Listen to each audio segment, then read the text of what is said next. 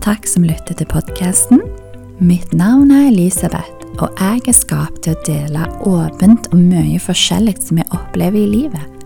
Sammen søker vi Bibelen for sannhet, trøst og oppmuntring. Du får høre om bøker, mye musikk og historier. Og all slags tema som jeg syns er bra og viktig, snakker vi om. Håper du får lyst til å ta nye steg i tru, som gir vekst i livet som Jesu disippel, og grave dypere i Guds ord, om du har vært kristen lenge, er ny på veien eller søkende. Be Den hellige ånd og gi deg fokus, konsentrasjon og ei lærevillig ånd. God lytting. I en av de siste podkastene til meg og Marianne i Nettverkspodden nå i oktober, så gikk vi inn på et tema som for meg og for hun har vært enormt viktig i noen år. Den hurtigst voksende kristne menighet i verden i dag foregår i de ti farligste land i verden å bo i for en kristen. Evangeliet sprer seg her som ild i tort gras. Øverst på den lista så troner Iran, etterfulgt nå da av Afghanistan.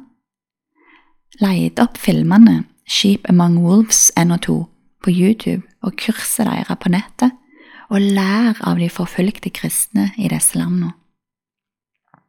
Lederen for undergrunnskirka i Iran kalles for pastor X. Hør hans sterke historie også på YouTube. Når han og kona går ut av huset hver dag, har de innstilt seg på at hver dag kan bli deres siste dag.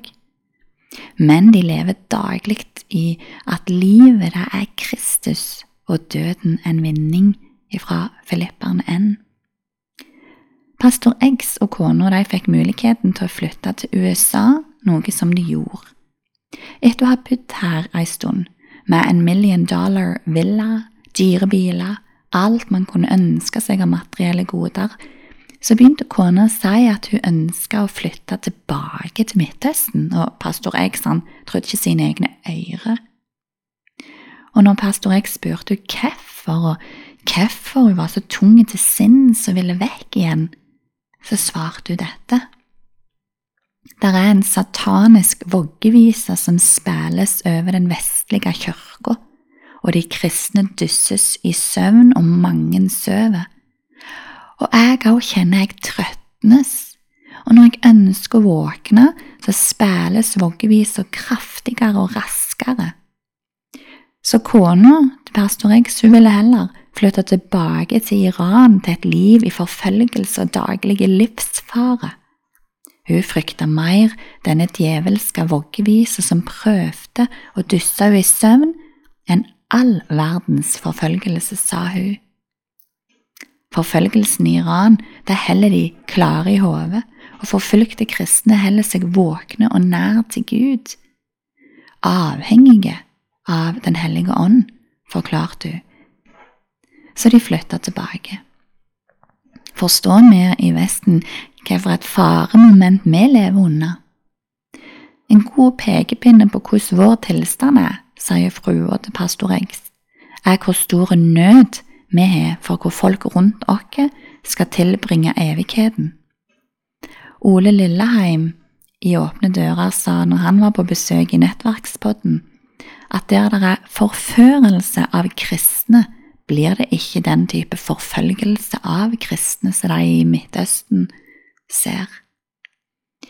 De i Midtøsten de kjenner nå på en byrde og en nød for oss her i Vesten, så de begynner å sende misjonærer herte. Vi er fødte her for ei tid som dette her som jeg og du bor, og vi som kaller oss kristne i Vesten i dag, vi har tenkt for mye på vår sikkerhet, vår egen trygghet, egen komfort og det å ha det behagelig altfor lenge. Men lever du i ånda og er lydige imot Guds vilje for ditt liv, så er det den tryggeste plassen du kan være, men det er den aller farligste plassen å være i denne verden, i det naturlige. For hvis du følger Gud helhjertet og er vaken og våke, er ingenting trygt, ikke engang du sjøl er trygg, for da er du en fare for Satan.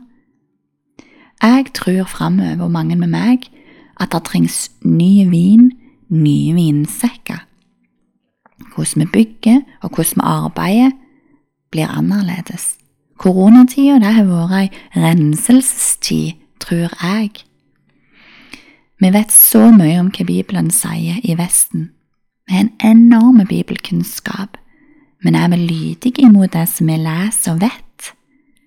Det er mest bedre å vite lite, og iallfall være lydig imot det, enn å vite mye og ha all denne kunnskapen om Guds ord uten å leve det, uten å gjøre det.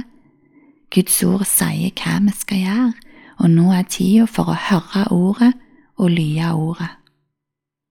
Jeg anbefaler deg å se filmene Sheep Among Wolves, en og to som ligger på YouTube. Får du bekreftelse på alt det jeg sier her?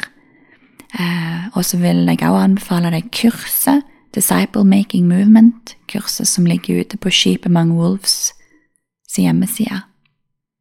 Og jeg vil også anbefale deg FAI, Frontiers Alliance International, og alt det arbeidet som de driver med. Last ned appen deres på din telefon. Du hørte nå en episode fra meg, ei søster i Herren. Følg og lik, del videre og gi gjerne din omtale. Har du noen spørsmål eller kommentarer, vil du jeg skal be for deg? Du finner meg på Instagram.